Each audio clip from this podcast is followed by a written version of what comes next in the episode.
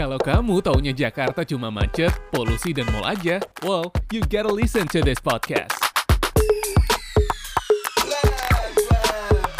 Welcome to Stories from Jakarta. Kenal Jakarta lewat cerita.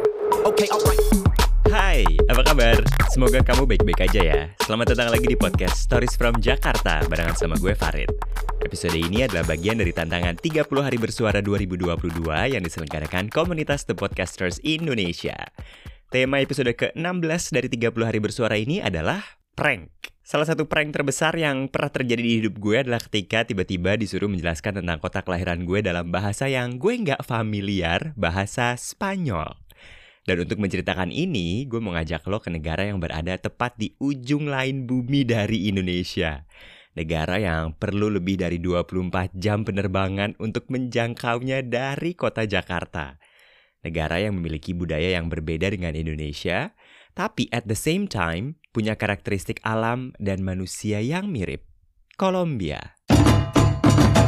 Di tahun 2016, gue mendapatkan beasiswa untuk tinggal di Kolombia selama 4 bulan untuk belajar bahasa Spanyol karena waktu itu Kolombia lagi mengkampanyekan negara mereka sebagai tempat yang tepat untuk belajar bahasa Spanyol.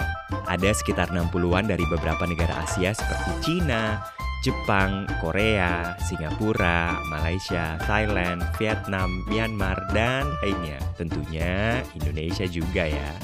Di Kolombia gue tinggal di kota Armenia, ibu kota dari departemen bernama Quindío.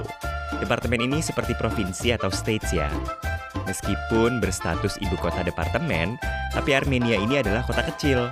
Ukurannya aja cuma 140 km persegi, sekitar seperlimanya dari ukuran Jakarta. Populasinya hanya sekitar 400 ribuan orang. Untuk perbandingan nih ya, kota Jakarta Pusat aja populasinya hampir 1 juta orang. So yeah, it was a tiny city. Gue ditempatkan di Armenia bersama 10 orang lainnya. Satu orang dari Malaysia, satu orang dari Korea, satu dari Cina, satu dari Myanmar, satu dari Thailand, satu dari Filipina, dan empat orang dari Singapura. Dari Indonesia sih ada 8 orang yang dikirim ke Kolombia, tapi kami dipencar-pencar ke beberapa kota. Di Armenia, gue orang Indonesia sendirian. Walaupun kota kecil, gue sangat menikmati tinggal di Armenia. Ke mana-mana bisa jalan kaki. Ke kampus tempat gue belajar bahasa Spanyol, mau belanja ke grocery store kayak Carrefour aja bisa jalan kaki. Ke taman, ke gym, ke mall aja itu bisa jalan kaki. Nggak repot tuh mikirin naik bus apa segala macem lah. Gue kebetulan tinggal barengan sama keluarga Kolombia yang rumahnya lumayan di tengah kota sih. Kalau di Indonesia ada alun-alun, ya rumah gue dan kampus gue sekitar 20 menit lah jalan kaki ke alun-alun atau di sana itu namanya adalah Plaza Bolivar. Suhu di Armenia itu juga adem, much like Bandung dan berangin, kadang-kadang hujan. Jadi adem lah ke mana-mana untuk jalan kaki, walaupun kontur datarannya banyak tanjakan dan turunan ya. One of the best things tinggal di departemen Quindío adalah the landscape is beautiful. The other cities out of Armenia are very pretty, and of course, the coffee. Quindío is actually known as Colombia's coffee region, and we all know that Colombia is the producer of some of the best coffee beans in the world. I don't drink that much coffee actually, but when I was there, I went to many coffee shops after classes. Sebagai orang yang besar dan tinggal di Jakarta, I have to admit there wasn't much to do di Armenia ya. Apalagi kelas bahasa Spanyol gue biasanya selesai nggak sampai sore. Bahkan kadang nih ya, mulai pagi jam 8 cuman sampai jam makan siang. But there were some advantages to this though. I signed up at a local gym and practiced my Spanish when signing in.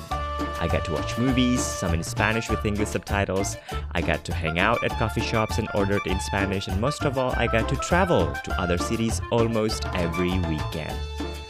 One weekend, we had a class trip to a city called Finlandia, a city still in the same department. Oh, small trivias. Ada banyak kota di Kolombia yang punya nama mirip dengan kota-kota di negara lain di dunia. Ada Cordoba, Granada yang mirip sama kota di Spanyol, ada San Francisco, ada Philadelphia, bahkan ada Palestina juga loh. Dan tentunya nama Armenia ya yang punya nama sama dengan negara lain. So, saat kami sedang jalan-jalan ke kota Finlandia, kami mampir ke satu sekolah di sana. Sekolahnya sih sekolah SD biasa, seperti sekolah negeri gitulah. Tiba-tiba dosen dari kampus kami nih ngomong, salah satu dari kamu harus practice your Spanish dengan nyeritain tentang kota atau negara asal kamu dengan bahasa Spanyol. Wah, panik dong semuanya. Karena kami semua level bahasa Spanyol itu semua sama.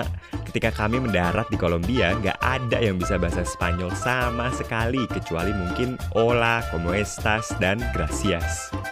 Tiba-tiba semua teman-teman gue ngeliat ke gue. I don't think it was a prank sih. It was more like dipaksa dan akhirnya kayak dikerjain ya. Mungkin more like sama aja kayak di prank ya. Wih, itu rasanya keringet dingin. Tapi untung banget ya di tas gue tuh gue lagi bawa peta Indonesia. Itu loh peta yang dibuat dari batik yang biasanya buat souvenir. Tapi tetap aja, rasanya itu lidah kelu otak buntu. Gimana jelasin? Negara Indonesia adalah negara di Asia Tenggara dengan populasi 200 jutaan orang dan terdiri dari 17 ribuan pulau pakai bahasa Spanyol. I only had 5 to 10 minutes to prepare. Saat mulai masuk kelas, semua anak-anaknya udah lumayan rame nih, karena melihat kami yang orang Asia ini semuanya juga ikutan masuk kelas. Ketika gue mulai ngomong, Hola, ¿cómo están? Semuanya mulai jawab dan senyum dan ketawa-ketawa. Because basically, Colombian people are very nice and friendly. Or they might find my Spanish funny. Well, I'm not blaming them. Terus gue mulai memperkenalkan diri.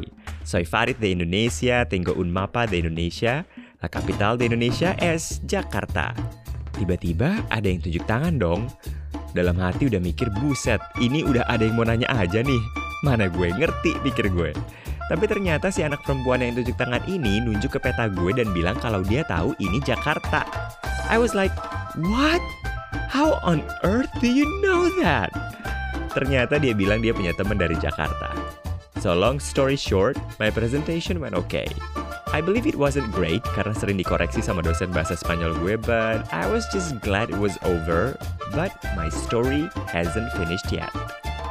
Ketika kami pamitan ke anak-anak di kelas dan akhirnya jalan keluar kelas, ternyata itu saatnya mereka juga istirahat. Eh, ada seorang anak laki-laki yang deketin gue dan nyapa gue. Dalam bahasa Spanyol dia nanya, kamu dari Indonesia? Gue bilang, si, iya. Dia kemudian bilang, badminton. Wah, itu gue terharu sih. Call me lebay, but having someone from a small city in a country so far away from your own country knows that your country is good in badminton was heartwarming. Akhirnya kami ngobrol tentunya dengan bahasa Spanyol gue yang basic dan patah-patah ya. Dan dia sempat bilang kalau dia suka main badminton dan pemain favoritnya adalah Lee Chong Wei dari Malaysia. Well, there you have it. We have a similarity there because who isn't a fan of Lee Chong Wei? Anyway, that was just a short story about my adventure in Colombia.